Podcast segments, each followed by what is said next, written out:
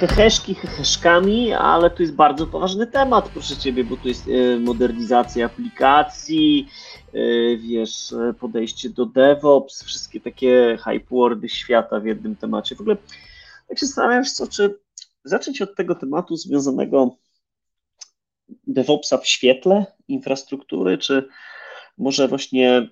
Mm, ja bym zasugerował, mm. że w zasadzie trzeba chyba przypomnieć, czym ten DevOps miał być. A skąd przypomnieć, czym wziął? DevOps jest? No to, to przypominaj, mój drogi, przypominaj. Ideowo, ideowo to miało być po prostu. Ideowo, my zawsze ideowo. Oczywiście, miała być bardzo płynna i delikatna współpraca między developmentem a opsami. Natomiast tak z punktu widzenia biznesu i wdrożenia tych projektów, to ten DevOps to w zasadzie jest trochę ponad nawet tym software developmentem, tak? Szczególnie w kontekście mm. dzisiejszych narzędzi, z tych skomplikowanych frameworków, o których pewnie porozmawiamy za chwilę. E, ten DevOps to nie jest nowocześniejszy Linux admin, tylko to jest w ogóle mm. zmiana metodyk, co dostarczamy, jak dostarczamy, komu dostarczamy, kiedy. Tak? No, no i, z, i z, tego, e, z tego punktu widzenia e, ten DevOps Solution Architecture, tak bardzo wysokopoziomowo mówiąc, powinien planować generalnie wykorzystanie tych narzędzi. Tak? A implementacja to już jest tak jakby kolejne Kolejny. No właśnie, to może zacznijmy od tego. Słuchajcie, nowy odcinek Inleocastu, numer 15 już. E, ja nazywam się Maciej Lelusz, dzisiaj Łukasz Biliński z Fero. Będziemy rozmawiać o DevOpsie, będziemy rozmawiać o tym troszeczkę czym jest w kontekście infrastruktury, w kontekście tego, jak się na to patrzy ze strony architekta, czy w ogóle architekci są jeszcze potrzebni przy DevOpsie, czy wszystko jest już kodem, czy świat spłynął kodem. E, ale myślę, że co, zacznijmy od tego, bo trochę rozpoczęliśmy temat, temat czym jest. Dla mnie przynajmniej osobiście, jak do tego zawsze tak podchodziłem do tematu DevOpsowego, to była pewnego rodzaju metodologia, to znaczy jak sprawić, żeby wszyscy ze sobą zaczęli się komunikować w gruncie rzeczy i to już cała reszta zaczyna się układać za tym, no i do tego dochodziła narzędziówka. Tylko, że w pryzmacie adopcji DevOpsu w organizacjach bardzo często ta narzędziówka wchodziła jako pierwsze tło.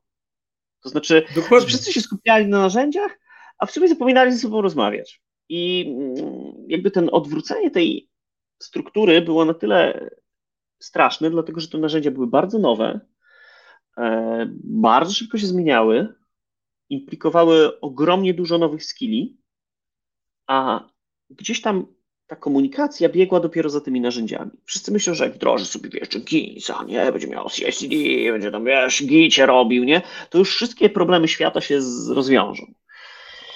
Jeszcze bym tutaj dopowiedział jedną rzecz, że mm, oryginalnie mm, naście lat temu to można było jeszcze uzasadniać, że e, ta kultura DevOps, to można było to transformować do stanowiska DevOps i można było gdzieś pod spodem myśleć, że to jest nowocześniejszy Linux admin. E, natomiast rzeczywistość... Lepiej zarabiający Linux admin. Oczywiście. Natomiast rzeczywistość e, z czasem okazała się trochę bardziej skomplikowana, bo to nie chodzi o wymianę jednych narzędzi na drugich, tylko o to, że te narzędzia są coraz bardziej skomplikowane i to mhm. jest coraz częściej to nie jest jedno pojedyncze narzędzie, tylko cały framework narzędzi. I to implikuje, że to nie jest kwestia nauczenia się jednego skilla więcej, tylko nastu albo dziesięciu nawet skilli więcej. Ogóle przemodelowania, słuchaj, swojej współpracy z ludźmi, bo, bo to w sobie właśnie nie chodziło o to, wydaje mi się tak przynajmniej, żeby się nauczyć nowych skilli, tylko popatrzeć z tej nowej perspektywy na to, co się robiło przez wiele lat i pomyśleć sobie, Boże, co ja uczyniłem, nie? I, I na tym dopiero zacząć budować, na tej nowej świadomości. Wiesz, bo to, że uczysz się nowych skilli, to, że nauczysz się Jenkinsa, błagam cię, no to się zmieni pewnie w twoim życiu i w twoim Oczywiście. payrollu, nie? Ale... Oczywiście i właśnie o tej części chciałem trochę więcej powiedzieć, że yy, ta transformacja, że kiedyś to był powiedzmy nowocześniejszy Linux admin, ale w rzeczywistości jak wchodzimy do budowania całych rozwiązań, które mają dowieść jakąś realną wartość dla kogoś, to się okazuje, że to nie chodzi o ten jeden pojedynczy skill przysłowiowy, jak tu podałeś tego Jenkinsa, tylko o zrozumienie całego nowego ekosystemu i jak ten ekosystem wpływa później na software development i no, produkcję czegoś realnego, tak, z czego korzystamy. Że to mhm. już nie chodzi o to, że wymieniamy Linux admina na, nie wiem, Kubernetes admina, tylko że mamy DevOps Solution, który planuje, co później zbudujemy, jak skonsumujemy te nasze współczesne narzędzia i frameworki DevOpsowe. A nie sądzisz, że to jest, bo wiesz, ostatnio prowadziliśmy taki podcast, nasz ostatni podcast to był, dotyczył Industry 4.0, mm, czyli taka industrializacja pełna i mi się wydaje, że DevOps jest bardzo dobrym, jak się ja obrazuję DevOps dla organizacji, to jest taka trochę industrializacja na IT, to znaczy, żeby to miało proces, a nie wiesz, tak, tak. patatajnie, nie? patatajnia, że zazwyczaj w IT wyglądało to tak, robimy projekt, no bardzo fajnie, i zrobiliśmy go, o i co teraz? To jakby, e, żeby nie było takiej husarii, tylko po prostu właśnie zindustrializowane podejście, mamy linie produkcyjne, mamy pewnego rodzaju procesy biegnące za tym, czyli nie zastanawianie się po wykonaniu, co żeśmy uczynili, tylko zastanawianie się przed rozpoczęciem pracy na tym, do czego to ma dążyć. Żeby na przykład, tak jak mówisz, robić szybszy kod, lepszy kod. Nie? Oczywiście i dlatego ja tak nawiązuję właśnie e, do software development, bo software development przeszedł już tą drogę. Tak? Już mamy standardy, paterny, certyfikacje, mamy architektów od oprogramowania, którzy rozumieją szerszy, powiedzmy, kontekst, mhm. tak? I teraz coś tak, dokładnie coś identycznego dzieje się w kontekście DevOpsu, że też potrzebujemy zrozumienia szerszego kontekstu, też potrzebujemy ustandaryzowania pewnych patternów, też wchodzimy coraz częściej w rozmowę odnośnie certyfikacji, bezpieczeństwa i tak dalej. I to w zasadzie nie jest coś nowego, co się dzieje na rynku, tylko to jest tak mhm. jakby industrializacja kolejnego kawałka. Kiedyś to był jeden Linux admin, który skonfigurował jedną maszynę, a teraz mam całą machinerię z tyłu, którą musimy zaplanować, zaprojektować, dostarczyć i jeszcze utrzymać później. Właśnie.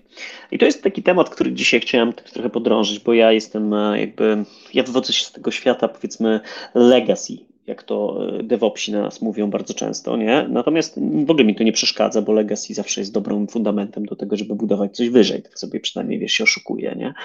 E, no i DevOps w świetle infrastruktury on-prem oraz cloud, czy też rozwiązań hybrydowych.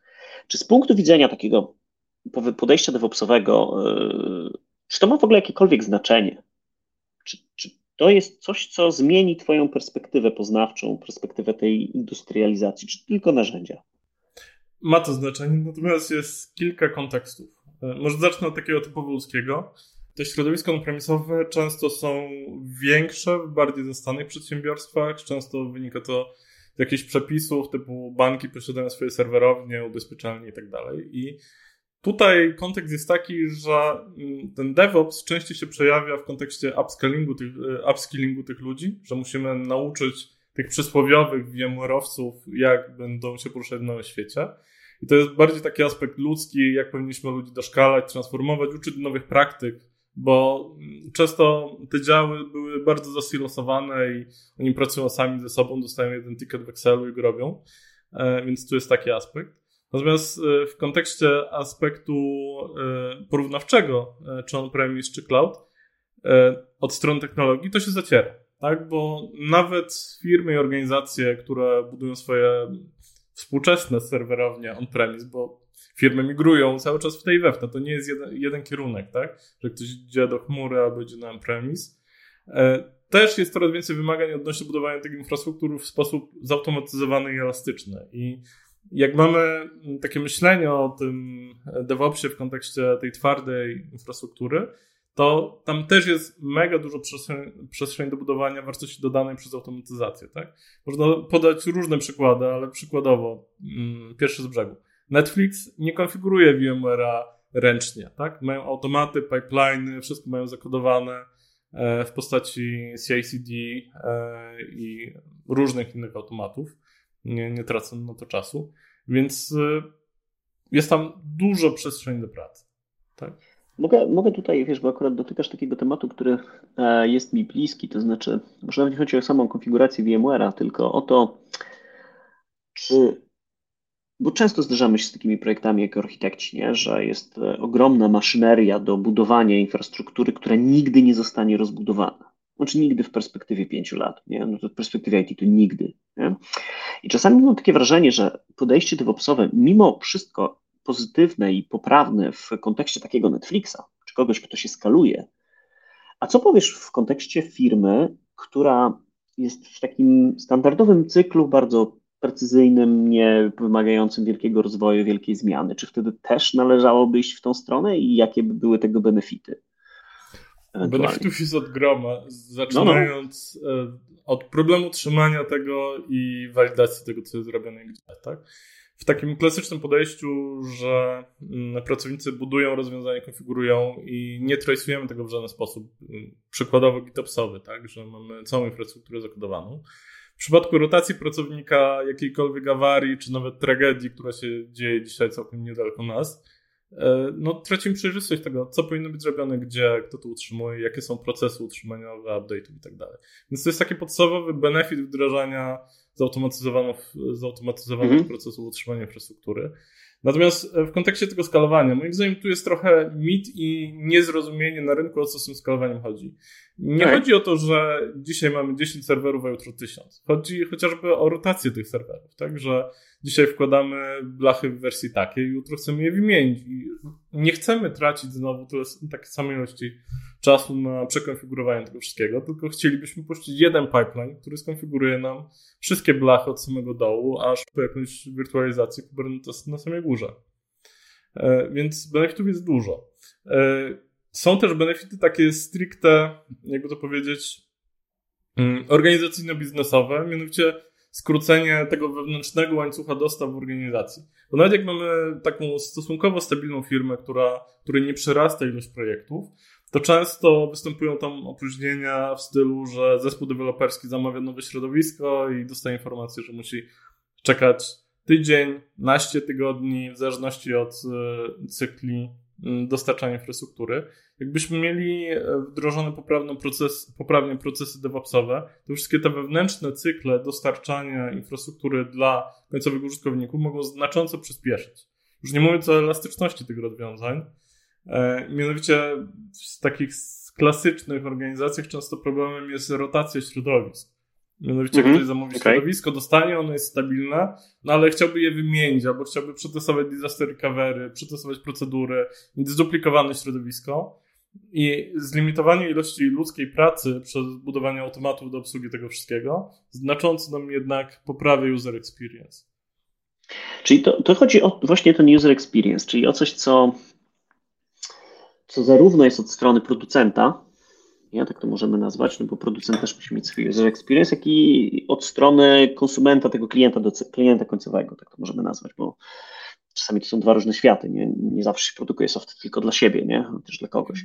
We, wejdę ci to w słowo Maciek mhm. i powiem tak. Y, to też jest bardzo klasyczne podejście do tego, co się dzieje na rynku. Natomiast mhm. jakbyśmy spróbowali spojrzeć y, na to przez pryzmat tak. Mam dużą organizację, przykładowy bank. Pracuje tam 10 tysięcy osób. W infrastrukturze pracuje 200. No i kto jest klientem, kto jest producentem, tak? W sensie producentem dla takiego dewelopera jest właśnie ta infrastruktura, tak? On składa no tak, zamówienie tak, tak, tak. na coś. Mhm. I zrozumienie tej mówię. relacji, że nawet w jednej organizacji jesteśmy dla siebie wzajemnie producentami i klientami, zmiana tego mindsetu już powoduje, że w inny sposób będziemy dostarczać e, czy to twardą infrastrukturę, czy tą pośrednią, czy mhm. ten development na końcu i tak dalej. Dobra, to wróćmy na chwilę jeszcze do tego pierwotnego, bo trochę zeszliśmy w dygresję. Chodzi o te środowiska mm, na przykład e, publiczne, hybrydowe, prywatne. Czy to coś zmienia? Zacząłeś tę część wątku e, związaną z w ogóle zastanowieniem się nad tym, czy, czy to i jak to ułożyć, jak stworzyć ten proces, ale czy coś więcej jest tutaj? Coś byś chciał powiedzieć? Od strony, od strony technologii nic nie zmienia, natomiast jest taki pozytywny aspekt e, korzystania z chmury i korzystania z usług wystawiających różnego rodzaju API, że w końcu rynek zaczął poważnie patrzeć na automatyzację tematów on-premisowych. Że to już nie jest wymysł ani nic niestandardowego, tylko już podchodzimy do tego jako standardowych procesów i nawet w kontekście środowisk on-premisowych budujemy tę automatyzację coraz częściej, w coraz większej ilości projektów. No dobra. Czyli generalnie po prostu trzeba szerzej trochę na to spojrzeć, być więcej zabawek nie? Bo jest powiedzmy tu trochę technologii tego typu, tutaj technologii innych. Czy są takie rozwiązania, które pozwalają nam uzyskać e, powiedzmy w miarę jednorodny ekosystem?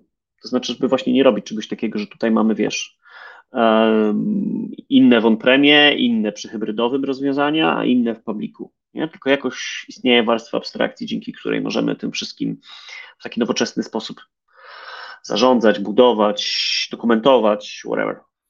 Podejrzewam, że y, próbujesz tutaj dotknąć całej tematyki kontenerów, Kubernetesa i procesów wokół tego. E, oczywiście to jest wspaniała warstwa abstrakcji. E, polecam od lat. E, mega dużo projektów zrobiliśmy na tych środowiskach. Też w kontekście środowisk hybrydowych coraz więcej jest takiego zrozumienia, mhm. E, że możemy hostować tego Kubernetesa w różnych formach, na różnych platformach, czy on-premisowo, czy cloudowo. I one mogą mieć wszystkie tą wspólną warstwę, że wystawiają po prostu API Kubernetesa do hostowania różnego rodzaju workloadów i, i aplikacji. E, to, co jest ważne tutaj, myślę, że trzeba o tym powiedzieć, że Kubernetes nie jest, e, wiem, że to jest trywializowanie, ale to nie jest kolejna dystrybucja Linuxa, tak? To jest framework, na którym budujemy nasz ekosystem. I w zależności, czy pójdziemy w open source'owe rozwiązania, czy płatne, tutaj bardzo dużo to nie zmienia. Natomiast musimy pamiętać, że to nie jest kolejna wirtualizacja, to nie jest kolejny Linux, tylko to jest framework, do którego dopasowujemy nasz biznes, tak? Okej. Okay. No dobrze, to idąc ten krok dalej. Mamy powiedzmy świat e, twardej infrastruktury, który zawsze istnieje, nieważne czy on jest tam chmurowy, czy jest on-premowy, czy hybrydowy, zawsze istnieje jakaś tam blacha, nieważne czyja, nie? Musi. jak opakowana w usługi, które ją tam opędzą. Perspektywa architekta infrastruktury IT to moja perspektywa zazwyczaj, czyli człowieka, który musi przygotować podbudowę pod to, żeby na tym uruchomić aplikacje, frameworki, wszystko to, co biznes potrzebuje, żeby się ruszał. Z Twojej perspektywy, jako kogoś, kto konfiguruje, to mówię, z mojej, z mojej opcji business logic, nie?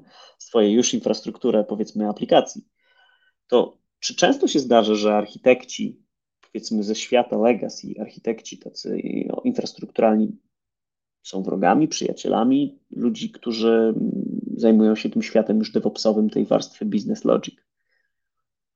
Wczesnego business logic. Wrogami może nie, mm. natomiast bardzo często występuje takie myślenie życzeniowe, że ten Kubernetes tam z OpenShift będzie mm. prosty, łatwy, przyjemny. Kupimy licencję, włączymy i wszystko rozwiąże się samo. E, ale to, to chyba ze wszystkimi nowymi rzeczami tak jest. Nie? Pamiętam, wirtualizacja też tak miała zrobić, wiesz, że instalujesz na serwerach i nagle wszystko, wszystkie problemy znikają, przenosimy się na wirtualizację, performance rośnie, scaling się udaje. Ja myślę, że, że tutaj jest to odrobinkę bardziej skomplikowane, bo często z perspektywy software architekta on ma wyobrażenie, że mm, kolejne rozwiązanie software'owe to jest kwestia integracji tylko, prostej. Tak? Natomiast E, tu jest trochę ta szara strefa i czasem jest to dość trudno wytłumaczyć, że mamy tą twardą infrastrukturę, o której wspomniałeś, mamy software, który będzie działał na tej twardej infrastrukturze i te frameworki po środku często jest trudno zaklasyfikować tak naprawdę. Czy ten Kubernetes traktujemy jako software, czy traktujemy to jako infrastrukturę. Jeżeli traktujemy to jako infrastrukturę, to kto jest odpowiedzialny za budowanie integracji i automatyzację na przykład, tak? Jeżeli traktujemy to jako software, to często brakuje nam tam ludzi ze zrozumieniem, co się dzieje w środku tak naprawdę. Jak to tuningować, przygotowywać pod kątem bezpieczeństwa i tak dalej. Więc e, wracając do twojego pytania. To nie jest tak, że e, jest tam wrogość jakaś, ale często występuje brak takiego zrozumienia i zaplanowania komunikacji. projektów. Komunikacji też, ale często brakuje.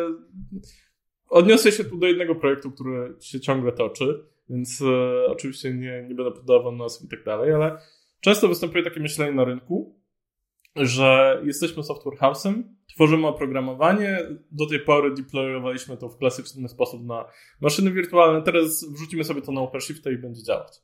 Brakuje tego zrozumienia, że trzeba tej technologii się nauczyć, trzeba zrobić jakiegoś poka po drodze, trzeba przeszkolić ludzi, zrozumieć, jakie benefity mamy z tej technologii, że to nie jest tylko przełącznik i dostarczamy jakąś kolejną funkcjonalność. Tak? To jest zmiana całego ekosystemu i sposobu myślenia.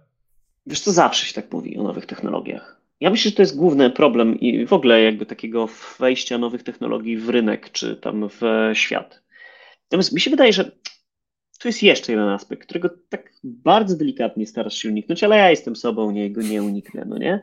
E, chodzi o to, że przynajmniej z mojej perspektywy, jak patrzę jako architekt IT, bardzo często jest tak, że ogromne niezrozumienie technologii, która ma wczesną jeszcze wciąż adopcję dosyć, na, na przykład na naszym rynku, sprowadza się do tego, że klient zamawia kontenery na przykład i, i, i opis produktu jest trzylinijkowy. Nie? A to jest tak. strasznie tak. skomplikowane. I teraz niechęć, którą może być, albo tak jak mówisz, pewne niezrozumienie, wynika z tego, że nikt nie rozumie wymagań, łącznie z zamawiającym bardzo często. Tak. To jest bardzo no. dziwne. I teraz, wiesz, bo to jest na tyle nowe, że chcesz to mieć, nie za końca wiesz, jak to pisać, nie? Zamawiasz to, to dotyczy i instytucji prywatnych, publicznych, w zasadzie każdych, no po prostu jest coś nowego, widzisz, że to jest fajne, to się sprawdza u innych klientów, słuchasz takich podcastów jak nasz, chciałbyś mieć to u siebie, no i chcesz to zamówić, ale nie wiesz jak. Ja może I robisz to kon tak. kontrarnie, kontrarnie trochę ci odpowiem, e, bo dwa lata temu robiliśmy idealny projekt, który rozwiązywał wszystkie te problemy, które ty powiedziałeś, że udało nam się zbudować na tyle dużo zrozumienia u klienta, że to jest na tyle nowa i trudna technologia, że zanim klient podszedł do docelowego projektu, czyli migracji jakiegoś tam software'u, zbudowaliśmy projekt, który trwał półtora roku, który polegał tylko na budowaniu wewnętrznych poców na różnych technologiach konteneryzacyjnych, tylko po to, żeby poprawnie doszkolić deweloperów, architektów, utrzymaniowców i tak dalej, żeby wszyscy Wydarzysz zrozumieli. projekt? Tak. To był projekt typowo konsultingowy, polegający na szerzeniu wiedzy i dobrych praktyk. Tak? Dopiero jak... Właśnie wiesz, i od tego myślę trzeba zacząć, bo wiesz, kiedy dochodzi do konsumpcji, e, czyli wszyscy muszą coś zrobić, jest skończona ilość pieniędzy, skończona ilość czasu, nie? Czyli czasu, wszystkie rzeczy, które czasu. definiują czasu, ale też i pieniędzy, no bo jest powiedzmy skończoność jakaś, nie? W którymś z tych mhm. aspektów. To sprecyzowanie wymagań, które przenoszą się jeszcze w świecie software'owym, to jest rzecz, którą możesz w pewien sposób tam inaczej skonfigurować na tych samych narzędziach, troszeczkę inaczej ogarnąć. Natomiast w świecie twardej infrastruktury, mm -mm. kupiłeś 16 terabajtów, masz 16 terabajtów. Masz budżet na 16 terabajtów w chmurze na przykład powierzchniskowej? Tyle jest. jakby wydaje mi się, że przecięcie się przez cały scope, właśnie to, o czym mówiłeś, te projekty powinny być startowane z dyczka wcześniej. Tak. Czyli tak, tak. POC, rozmowa, bo tej rozmo ta rozmowa następuje w momencie konsumpcji, a powinna następować w momencie definicji. I, i tak. przesunięcie tak. tego jest wystarczające, żeby właśnie, wydaje mi się, te dwa światy stały się z może nie wrogów, ale powiedzmy ścierających się stron czasami w ogromnych przyjaciół, bo większość e, powiedzmy infrastrukturalnego IT chce mieć te technologie o siebie w sposób bardzo, bardzo precyzyjnie zdefiniowany, dlatego że pozbywa się shadow IT. Bo jak nie pozwolisz, nie zrobisz takiej usługi u siebie jako dostawca infrastruktury wewnątrz w organizacji, to ktoś to zrobi pod biurkiem, nie? Bez twojej wiedzy. Jeśli spontaniczna produkcja wybuchnie, nie? Dokładnie tak. I to jest właśnie ten element, który my zawsze proponujemy klientom. Jak przechodzą do nas pytaniem, wdróżcie nam te kontenery, to my zawsze proponujemy jednak ten proces wcześniej, tak? Żeby wybrać sobie przykładową aplikację, zbudować szczególnie na początku dużo rozwiązań na open source, żeby ludzie, którzy będą z tego korzystać później, zrozumieli o co chodzi, tak? Bo później jak dochodzi do wyboru dostawcy, definiowania wymagań, o których wspomniałeś i tak dalej, to taka przeszkolona strona już zupełnie inaczej rozmawia z dostawcą, tak? Już wie czego chce, czego oczekuje, timeline'ów, bezpieczeństwa, automatyzacji i tak dalej. Tylko problem jest taki, takiej natury bardzo finansowo-politycznej, bo jak ktoś dochodzi do takiego projektu, który chce zmigrować, to z reguły jest już w niedoczasie. Za późno. Jest za późno i nie ma czasu na projekt, który będzie polegał tylko na dokształcaniu jego pracowników. Mhm. Słuchajcie, to jest 15 odcinek InLeoCast, w którym mówimy o zagadnieniach DevOps. E, chciałbym w tym miejscu podziękować dla naszego partnera, e, firmy Vim, którego oprogramowanie Vim Backup and Replication pozwala nam na e, zabezpieczanie danych no, przed ransomwarem, przed ich stratą przede wszystkim. E, możecie spróbować tego oprogramowania rejestrując się z kodem, który znajdziecie poniżej. A my, mój drogi kolego, może zapytajmy się o coś jeszcze ciekawszego. To znaczy, idźmy krok dalej. To znaczy, jest DevOps, nie? Jest sobie ta idea, idea ten powiedzmy też trochę framework pracy, nie? Który tak. przecina się przez te wszystkie działy. Moim zdaniem dział infrastruktury powinien być działem DevOpsowym. To znaczy, że on powinien trafić do tego zespołu, a nie być takim, wiesz, daj mnie. Jak interfejs GUI, nie? No, wiesz, bo DevOpsi jako tacy naturalnie przyzwyczaili się i wyrośli z rozwiązań cloudowych, gdzie konsumpcja e, infrastruktury polega na kolach API-owych, nie? Więc nie rozmawia się z człowiekiem bardzo często. Natomiast co jest inne w świecie hybrydowo-on-premowym, tam zazwyczaj jest człowiek. Dlatego, że on, no i on nie przyjmuje API tak łatwo, nie? To znaczy on pewnie ma opór, nie? Jakieś właśnie rzeczy, wiesz, no ludzkie, nie? To jest niesamowicie szeroki temat. Moglibyśmy tak, pół tak. wieczora dyskutować, ale postaram się to, to tak trochę od ludzkiej strony mhm. skrócić, streścić. Właśnie ten projekt konsultingowy, o którym wspomniałem, który polegał na przygotowaniu firmy do konsumpcji tych technologii kontenerowych, właśnie dużą częścią tego projektu była zmiana mindsetu współpracy między departamentami, bo wcześniej wszystko odbywało się na poziomie Tak, wcześniej wszystko opierało się na poziomie tiketów i przepychania zadań przez dyrektorów. Mm, natomiast to, co udało się wytworzyć na poziomie kultury, to taką kulturę rotującego DevOpsu. Mamy ten dział e, twardej infrastruktury. Mamy tych przykładowo ludzi od VMware'a i to, do czego trzeba firmy zachęcać, żeby te departamenty wymieniały się tymi ludźmi, żeby ta wiedza krążyła jednak, bo częstym problemem komunikacyjnym jest to, że strona A nie ma zielonego pojęcia, o czym mówi strona B. Tak? W sensie mam deweloperów, którzy nie wiedzą, jak działa wirtualizacja na przykład, tak? jak implikuje to nie, nie muszą. performance.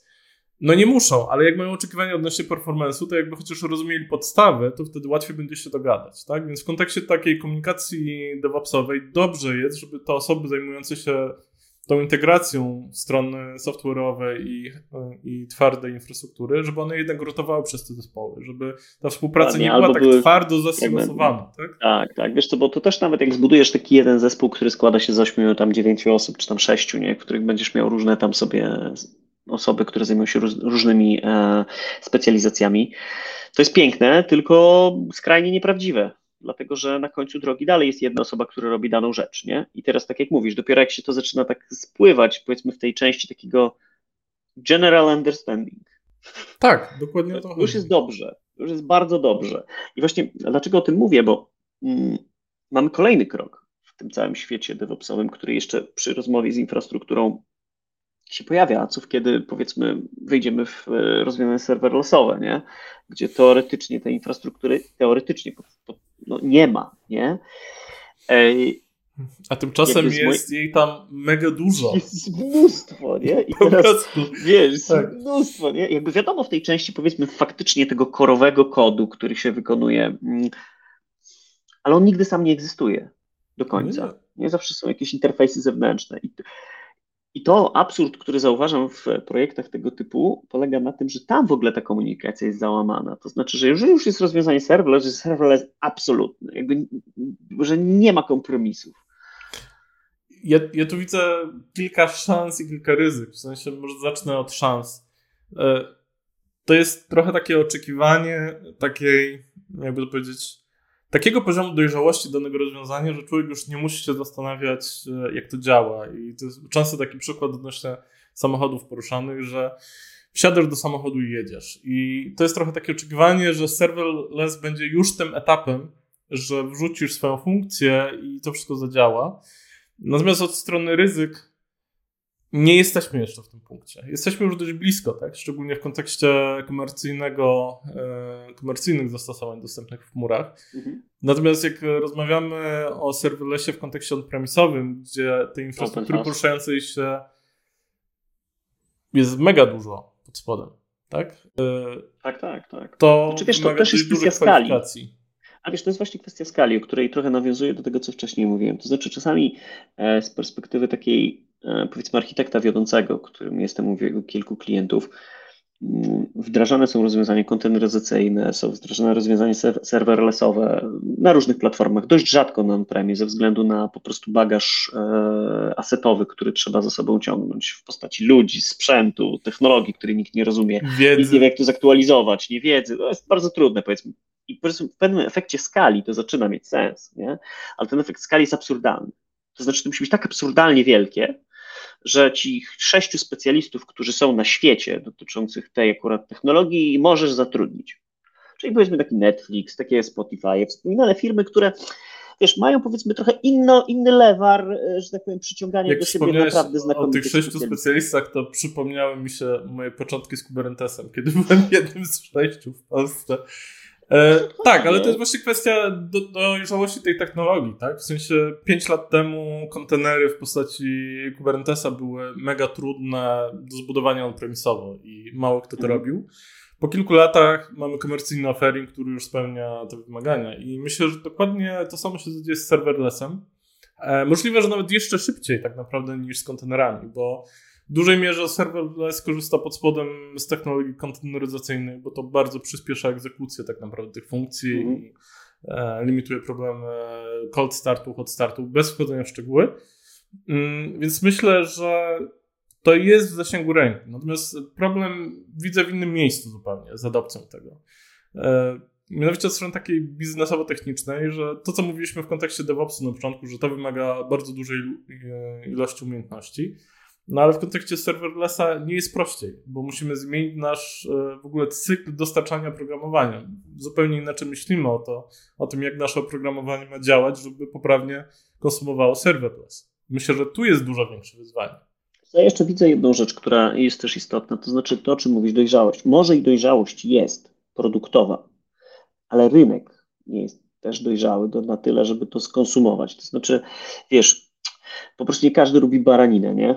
E, jakby przychodzi taki motyw, w którym masz bardzo dużo różnych technologii dostępnych na rynku, które spełniają w jakimś stopniu Twoje oczekiwania i dopóki nie przełamie się ta jakby wartość widoczna przez potencjalnego użytkownika końcowego z wdrożenia nowej technologii, to on w nią nie pójdzie. A będąc w etapie, wiesz, po prostu są produkty dla różnych rodzajów klientów. Ja wiem. Wydaje... Myślę, że no? wejdę w słowo oczywiście znowu. Musimy sobie Aha. wyobrazić dwie nakładające się na siebie macierze. Pierwszą będzie klasyczny kwadrant Gartnera odnośnie dojrzałości technologii, a drugą rodzaj firmy, która tą technologię adoptuje. Tak? Zaczynając tak. od startupów, przez ustabilizowane firmy, aż po firmy schodzące z rynku. I myślę, że tu trzeba szukać tak naprawdę synergii między tymi dwiema przestrzeniami. Tak? Zaczynając od dojrzałości produktowej, która się pojawia, ale moim zdaniem jesteśmy cały czas na tej krzywej wnoszącej się, że powoli mamy stabilizujące się rozwiązania kontenerowe, serverlessowe są gdzieś za horyzontem, się ustabilizują za 2-3 lata najprawdopodobniej. Natomiast w kontekście firmy i tej dojrzałości, o której powiedziałeś, że Część firm już to adoptuje, tak? Ale to są te firmy, które są między startupem a firmą dużą, a te duże, stabilne firmy im zajmie to lata tak naprawdę, zanim dojdą do A wiesz, to nie chodzi nawet o taką, powiedzmy, adopcję pełną, nie? Chodzi o to, że jakby trudność nie jest technologiczna do końca. I, Zgadzam się. I to jest najgorsza trudność. W 100%. I to jest najgorsza trudność. To znaczy, wiesz, przy przejściu, ja pamiętam, było, bo sam jestem jakby autorem wielu projektów, e, które dotyczyły przejścia z, on, z takiego bare metalu do wirtualizacji. To była bardzo łatwa zmiana technologiczna. To znaczy, myśmy, nic nie zmieniając, wyrywaliśmy system operacyjny z mhm. e, hardware'u i wkładaliśmy w VM-kę. Można było to optymalizować, ale nie trzeba było. Technologicznie było to doskonale proste. Oczywiście tam ze wszystkimi aspektami obok tego. Oczywiście. Ale nie wymagało y, tak dramatycznej zmiany, jak na przykład przepisanie głównego systemu produkcyjnego. No brzmi to dość tak, dramatycznie no. już. Architektury software w ogóle nie trzeba zmieniać przy takiej zmianie. Nic nie trzeba było zmieniać. Dlatego ten motyw tej transformacji był dość, powiedzmy, może nie prosty, ale akceptowalny przez biznes, bo on przynosił instant savings. Po prostu przenosił z, z 30 serwerów, na których musiałeś się gnieść, nagle się okazywało, że możesz uruchomić nie 30 aplikacji, czy 60, czy 70, tylko 700. No to jakby takie pros and cons było bardzo łatwe do pokazania. Na poziomie Excela fantastycznie to wyglądało. Tak, ale później też, no bo de facto pozbywała się kupy złomu, nie? I to wszystko jakby się faktycznie ułatwiało. Natomiast przy serverlessie, przy konteneryzacji jest dokładnie tak samo tylko do tego dochodzi jeszcze szybkość dostarczania nowych funkcji, e, bezpieczeństwo, bardzo dużych e, dokumentacja w kodzie, ale to wymaga fundamentalnie innej zmiany, nie technologicznej, bo oni już na podział taki, wiesz, z funkcji na różne te segmenty typu wiemki, to ludzie się przyzwyczaili, nie? Czy tam kontenery, to dla nich powiedzmy percepcyjnie, technicznie nie ma większego znaczenia. Problem polega znacząco gdzie indziej, czyli w tym, że muszą przypisać AirPal, nie? Tak, tak. I ja bym to. Okej, okay, trochę mnie ciągniesz za język, żeby może mnie politycznie mówił. To. No, tak. się, rozruszaj się. To jest kwestia po prostu tych budżetów nieszczęsnych, tak? Że gdzie indziej mamy budżet inwestycyjny, gdzie indziej mamy budżet e, na robienie R&D w organizacji, gdzie indziej mamy budżet na utrzymanie i w kontekście tego ERPA, który wspomniałeś, e, tam nie ma budżetu na R&D, tak? Po prostu tam nie ma środków na zatrudnienie ludzi, na zbudowanie tego serverlessu, przetestowanie tego wszystkiego, bo to jest de facto nowy projekt od zera i myślę, że firmy podświadomie to rozumieją, że ta zmiana jest ogromna, że to będą de facto projekty greenfieldowe i często kalkulują to w taki sposób, że po prostu się nie opłaca. Tak? Albo jest tak, zbyt duże ryzyko niepowodzenia. Nie? 20 lat robiło w takiej formie, to może jeszcze z 20 lat pojedzie, nie? Dokładnie. No bo tak, wiesz, no jakby też patrząc z perspektywy właścicielskiej, myślę, że to że rozumiem tą ideę, nie? Technologicznie też ją rozumiem, nie? Poza tym, wiesz, wchodzą szereg ryzyk. I, i, i myślę, że właśnie to, to, o czym rozmawialiśmy, że organizację należy przed inicjacją takiego projektu, tak jak przed inicjacją lata temu przejścia do chmury. Przecież to były projekty, w których braliśmy udział, inicjowane na zasadzie hej, chmura i Tylko wracają za trzy lata. Nie? Mega, mega ważny niuans, e, który mhm. bardzo często się w dyskusjach e, pomija, że ludzie, w IT szczególnie, hmm. duża część, e, sama się dokształca i nikt tego nie wycenia w koszcie projektu, ale było hmm. Stosunkowo łatwo znaleźć w dużych organizacjach ludzi, którzy gdzieś sami na własnych, prywatnych kontach coś robili na tych chmurze. Tak? I po prostu jak zaczynał się ten projekt, oni już te podstawy mieli, mieli już zrozumienie tego, że to, że wszystkie te serwisy wystawiają API, że są jakieś automatyzacje i tak dalej. Nie był to greenfield dla tych ludzi pracujących na projekcie. W kontekście serverlessu jest to trochę trudniejsze, bo kto tak mhm. naprawdę ma tą zmianę wykonać? No deweloper nauczy się korzystać z serverlessu, ok, ale osoba utrzymująca Kubernetesa albo wirtualizację, no nie do końca, bo sobie tego nie skonsumuje później, tak? VMware'a sobie przez API postawisz, jak jesteś mhm. adminem VMware'a, no to szybko zobaczysz, że można tak, można inaczej i tak dalej.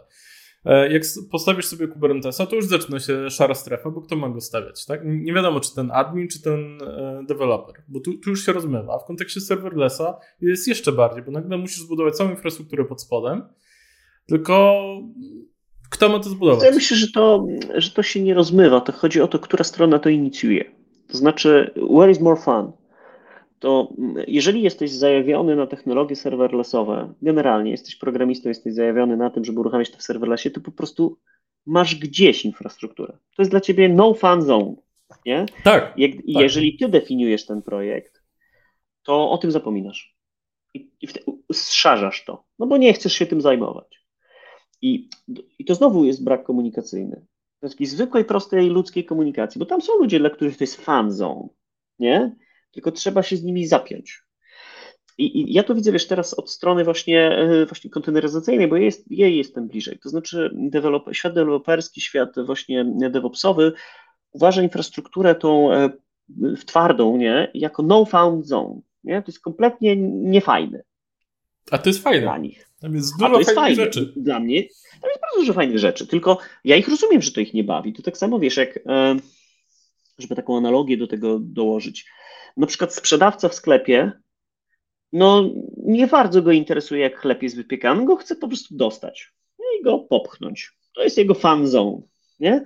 Ale nie będzie tam wypiekał, wyrabiał go, a dla innego wyrabianie ciasta jest fan zone. Ja myślę, że też podejście do tego w ten sposób, że gdzieś tam są te, te, takie, jak to się mówi, e, shops, nie? że są takie sklepiki, które robią, wiesz, infrastrukturę, są sklepiki, które robią e, część powiedzmy konteneryzacyjną, to się da wydzielić, tylko trzeba przed sobą samym, definiując często projekt, zdefiniować, co ja wyszarzam, nie? bo to jest dla mnie niekomfortowe miejsce i weź, wziąć tutaj kolejnego człowieka, który się na tym zna. I dla niego to jest totalnie fan zone i on tam zrobi cudowne rzeczy i od ciebie klasycznie lepszy. To jest bardzo ciekawe, bo my jesteśmy dokładnie takim shopem robiącym tę integrację między softem a starą infrastrukturą. Natomiast tej komunik- komunikacji brakuje trochę z tym zamawiającym. Tak, y, że dokładnie to, co powiedziałeś, że ktoś wyszarza pewne aspekty w projektach, czy to migracyjnych, czy nowych, zakłada bezpodstawnie, bez wiedzy, bez doświadczenia, że coś będzie łatwe albo szybkie, albo nie wymaga znaczących mhm. kompetencji. No i to się rozmywa później w czasie. Tylko no szczerze mówiąc, ja nie mam na to dobrej recepty, tak? W sensie. Wiesz co, ja mam, bo jakby wydaje mi się, że jest na to bardzo prosta recepta. Po prostu w pewnym momencie projektu, kiedy czujesz sam przed sobą jako architekt, nie? no bo ja jestem często architektem rozwiązania, że twoje kompetencje się kończą, to się do tego przyznaj. Po prostu powiedz, nie jestem specjalistą w tej dziedzinie przyjdź, przy, przy, dostawmy do stołu ludzi, którzy się na tym znają. Na przykład ja bym miał teraz projektować rozwiązanie serverless. Proszę, nie. Nie dlatego, to jest, że to jest technologia, to jest której bardzo, nie potrafiłbym się nauczyć, nie? To jest, to jest bardzo której nie chcę się uczyć. Oczywiście, tylko że z drugiej strony, jeżeli inicjujesz projekt za 100 milionów dolarów, na przykład, nie? Digital Transformation Motherfucker Program, nie? Który będzie, wiesz, potężny, nie? I robisz to na zasadzie, wiesz, pierścienia imperatora. spoko, tylko daj sobie tym żołnierzom te pole, żeby sobie tam zrobili coś, a nie ty jako ten zarządca, inicjator to robisz. I to, co mówisz, to jest może idealistyczne, ale jednak na końcu ktoś za to bierze odpowiedzialność. Nie? Tak, y, ja tu trochę tak y, z boku wejdę w ten twój tak myślenia.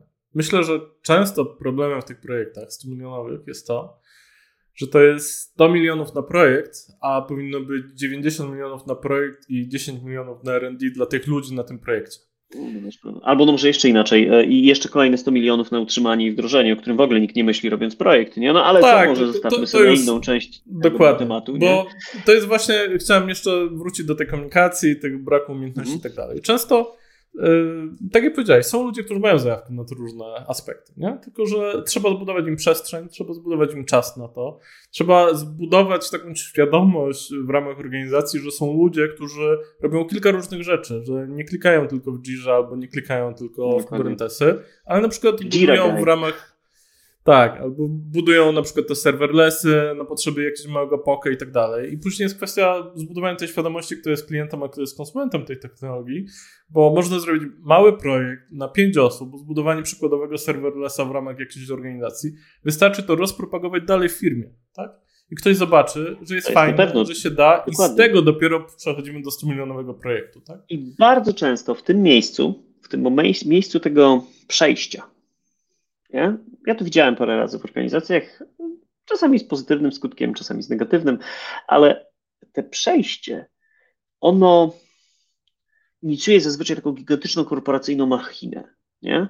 która dalej zapomina na, pokład, na pokład załadować specjalistów. Nie, on jedzie przez te Excel, wiesz, tam przez te Gartnery, nie, Forestery i na końcu projekt taki się taki projekt za 100 milionów, nie? Rzeczony. E, no i jeszcze na wczoraj. O tym mówię. I na wczoraj, no bo jakby maszyna jechała długo, nie się Tak, tak. No, ale termin wiesz, zaczął się liczyć ale termin, od pierwszego dnia. termin projektu został ustalony pierwszego dnia. No i wiesz, i jakby to nawet mnie bawi, bo jakby od 15 czy 16 lat Wszyscy byliśmy w tym Wszyscy byliśmy w tym, nie totalnie. Natomiast tak sobie myślę o tym, wiesz, na, tak z dłuższej perspektywy, że jakby te warstwy, o których mówimy, czyli jest twarda infrastruktura, na niej stoi wirtualizacja, jest gdzieś tam siedzi w okolicy, nie? do tego jest to powiedzmy warstwa kubernetesowa, która rozciąga się jeszcze na różne tam hybrydy, nie hybrydy, publiki, nie publiki, za tym ciągle leci sieć, nie? za tym lecą jakieś repozytoria, nie? Bezpieczniki biegną na końcu, nie zapominaj, tam, tam jest całe stado bezpieczników, nie? oni na początku drzemią, oni na początku drzewią, później widzą, że pociąg odjeżdża Nie wierzą, że się wydarzy. Nie wierzą do końca. Nie. Mają nadzieję, że się nie wydarzy. No i wiesz, i oni tam biegną, nie? Mam świetny odcinek właśnie o bezpieczniku i innowacji. Fenomenalny, polecam wam na pewno rzucimy linka.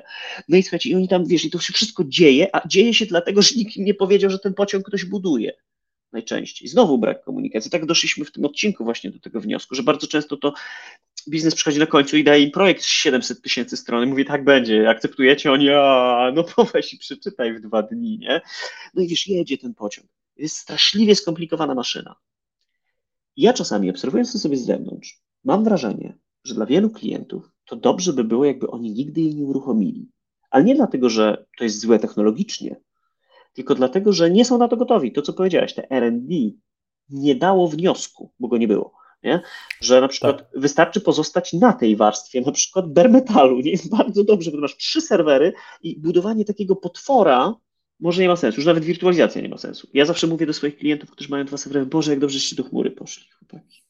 Boże, Boże, to jest spokój ducha. Ja może się powtórzę jeszcze raz, żeby to tak e, jasno i głośno wybrzmiało, szczególnie dla naszych partnerów w naszym najbliższym otoczeniu i dalszym. Nie możemy zapominać w IT o potrzebie RD. Naprawdę, budowa wewnętrznych projektów RD, inwestowanie w wiedzę, technologię i ludzi się opłaci. Po prostu się opłaci. Tak, tak. I, I to nawet nie w długiej perspektywie, dość szybko, bo dlatego, że możesz nie wybrać po prostu rozwiązań, albo wybrać które rozwiązania, które będą, no, nie pasują, albo pasują źle. I po prostu naprawdę ilość narzędzi na tym świecie jest tak ogromna, że Póki tak. kilku chociaż z nich nie przejrzysz, to może po prostu nie idź w to, co wszyscy reklamują i mówią, że jest świetne, dlatego że No bo później wszyscy my będziemy to łatać, a na końcu wszyscy będą niezadowoleni. I my, że taka robota, i ty, że coś to wybrał. Dlatego ten początek konsultacyjny jest bardzo ważny. I te właśnie konsultacje, żeby je przeprowadzać na tych różnych szczeblach. To znaczy, jak chcesz iść w serverless i kontenery, i jeszcze wirtualizacja, i hybrydowe chmury, i sześć ośrodków, nie, i super sieć, to warto zanim to zrobisz i przybijesz pieczątkę, projekt ze 100 milionów dolarów, jesteś tym imperatorem, który tam pieczęć przyciska, po prostu być pewnym, że to zostało przejrzane, bo to jest mniej więcej no, jak wylot na inną planetę czasami dla niektórych tak, klientów. Też, Oczywiście są niektórzy super świadomi. Bardzo fajny tutaj wątek poruszyłeś, że ten projekt jest przyklepany nie? i często zapominamy o tym, że te nasze organizacje, które są często wielkie, wielopoziomowe i tak dalej, one mają dużo różnych kompetencji.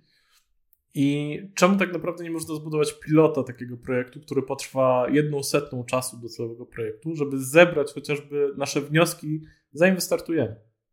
Proszę się tak podśmiecham, ale powiem ci dlaczego, nie? Bo ten pilot już jest produkcją zazwyczaj, nie? Bo już trzeba, wiesz, już trzeba ładować taczki, nie? Tam wyrzucać, wiesz, z Oczywiście. danymi ze wszystkim. Oczywiście. Ja tu podchodzę jest... bardzo, bardzo idealistycznie do tego, e, bo próbuję to tłumaczyć klientom. Niektórzy to rozumieją i wdrażają takie zmiany w swoich firmach, niektórzy tego nie rozumieją i później proszą Na koniec. Na koniec. Powiedziałeś o tej jakby komercjalizacji technologii. To znaczy, że już wchodząc na nasz rynek technologie komercyjne, na przykład w konteneryzacji. No mamy Tanzu, OpenShifta, mamy, nie wiem, Ranchery, nie? Jest tego sporo, takich powiedzmy obudów tego, jak to uruchomić sobie u siebie w środowisku. Czy, no bo ty wywodzisz jeszcze z czasów tego, kiedy to było takim absolutnym, perwersyjnym vanilla open softem, nie? Tak, ja zaczynałem z wersją 0.9 Kubernetes. 0.9, nawet nie było jeden, nie? Czyli generalnie produkcja e, na własne ryzyko. No i teraz, wychodzą te rozwiązania, które pozwalają powiedzmy ludziom bez tak głębokiej wiedzy technicznej zaadoptować to. No bo tak po to to jest de facto, nie żebyś jakby haracz płacisz producentowi za to, żeby zrobił całą robotę deweloperską w infrastrukturze tego rozwiązania za ciebie. Czy to dobrze? Czy to sprawi, że będziemy mieli lepsze oprogramowanie? Czy tylko przeniesiemy bałagan na nową platformę? I tak i nie. W sensie są dwa aspekty. Mhm. Zacznę może od tego prostszego. To, że mamy vendorów, którzy to stabilizują, to jest w ogóle super informacja, tak? Bo no nie, każda, nie każda firma musi budować infrastrukturę, większa część firm chce konsumować infrastrukturę, więc to jest super. Mhm. Natomiast od strony użytkownika to, że dostaniemy produkt w pudełku, nie znaczy, że nasz końcowy użytkownik rozumie, jak z niego korzystać, tak? Dokładnie. Knowledge transfer, czyli jednak nauczmy naszych użytkowników, nieważne którą platformę wybierzemy, bo on jest dobry, jeżeli masz dobrych ludzi. Komercyjne rozwiązania są dobre, kiedy masz tych ludzi niewielu de facto i musisz różne inne systemy obsłużyć i Albo musisz komuś innemu za to po prostu zapłacić. Ułanie zagranicznej gwarancji. Jakby są różne powody. Ale żaden z tych przypadków, czy wybierzemy rozwiązanie komercyjne, czy open source, nie zwalnia nas z tego, żeby nauczyć ludzi korzystać z tych narzędzi. A wiesz, bo ja bardzo często widzę takie projekty, które kończą się, uruchamiamy state of the art, infrastrukturę, wiesz, po prostu i goście nie wiedzą, jak jej używać. Po prostu. Nie ma takiej możliwości. Ja myślę, że to jest bardzo ważne. To jest najważniejszy aspekt, i on się łączy trochę z tym R&D, o którym dużo rozmawialiśmy mm -hmm. dzisiaj, tak, że zanim kupimy sobie to komercyjne pudełko z czymkolwiek, Pobawmy się open wersją tego, tak? Zrozumiemy chociaż podstawy, co się tam dzieje, dlaczego chcemy z tego korzystać. Jeżeli później no kupimy już sobie stabilne rozwiązanie, to już nasza adopcja tego rozwiązania idzie łatwiej. I co? Czyli tak naprawdę jakość używania naszego narzędzia, no to nie jest jakoś specjalnie odkrywcze, zależy od tego, czy umiemy go używać. I projektując rozwiązanie e, dla klienta, którym w naszym na przykład przypadku bardzo często jest dział deweloperski, po prostu przed takim projektem warto zadbać o to, żeby oni wiedzieli, co my im damy, nie? A nie dajemy im, wiesz, ciało fotonowe, nie? Oni, wiesz, dłubią nim zębie, nie? Na przykład. Oni walą tego, że... działem w łeb kogoś zamiast strzału. komuś, bo nikt im nie powiedzie, że to prawda zabija, nie? Więc ja myślę, że to jest bardzo ważne i o tym też dość często się w projektach zapomina, to znaczy, żeby przygotować klienta na dobro, które na niego spadnie, bo to może być dla niego katastrofa, jeżeli on to dostanie, no bo wiesz, dostanie po prostu coś, czego to nie jest jego zabawka, nie, nie, potrafi, nie potrafi używać. Słuchaj, dziękuję Ci pięknie. E, myślę, dziękuję że dzisiaj mieliśmy fajną rozmowę.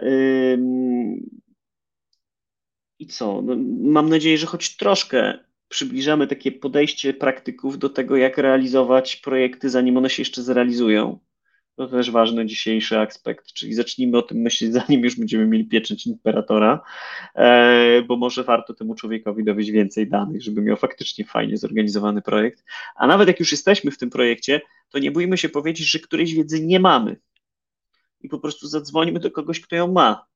Ghostbusters, bo no bo na końcu, jeżeli tego nie mamy i zrobimy z tego szarą strefę, to w perspektywie jakiegoś czasu to się na nas absolutnie zemści. I to nieważne, czy to w stronę twardej infrastruktury, serverlessa, nie wiem, baz danych, czegokolwiek. Świat IT jest tak szeroki, że nie da się na wszystkim znać. Nie? Jak myślisz, że się na wszystkim znać, to... Pamiętajmy też na koniec, że po to robimy migrację tych naszych infrastruktur, żeby globalnie poprawić efektywność. Nie poprawimy efektywności Dokładnie. bez zrozumienia tej technologii. No tak, i myślę, że to bardzo fajny przekaz. Dziękuję Ci pięknie, Łukasz. Eee, I co, zapraszam Was wszystkich następny raz na następny Leokast. Dzięki, trzymajcie się. Na razie. Na razie.